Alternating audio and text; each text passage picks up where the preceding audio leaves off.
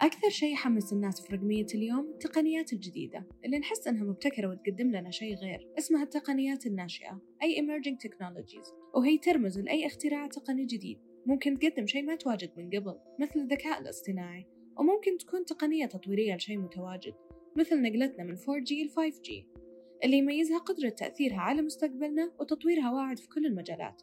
أشياء مثل السيارات اللي بدون سواق طب النانو إنترنت الأشياء وليستة طويلة ومتنوعة. هذا غير الروبوتات اللي صارت تسبح وتطير وتتشقلب بالهواء تعطي نصايح صح لو مودكم off.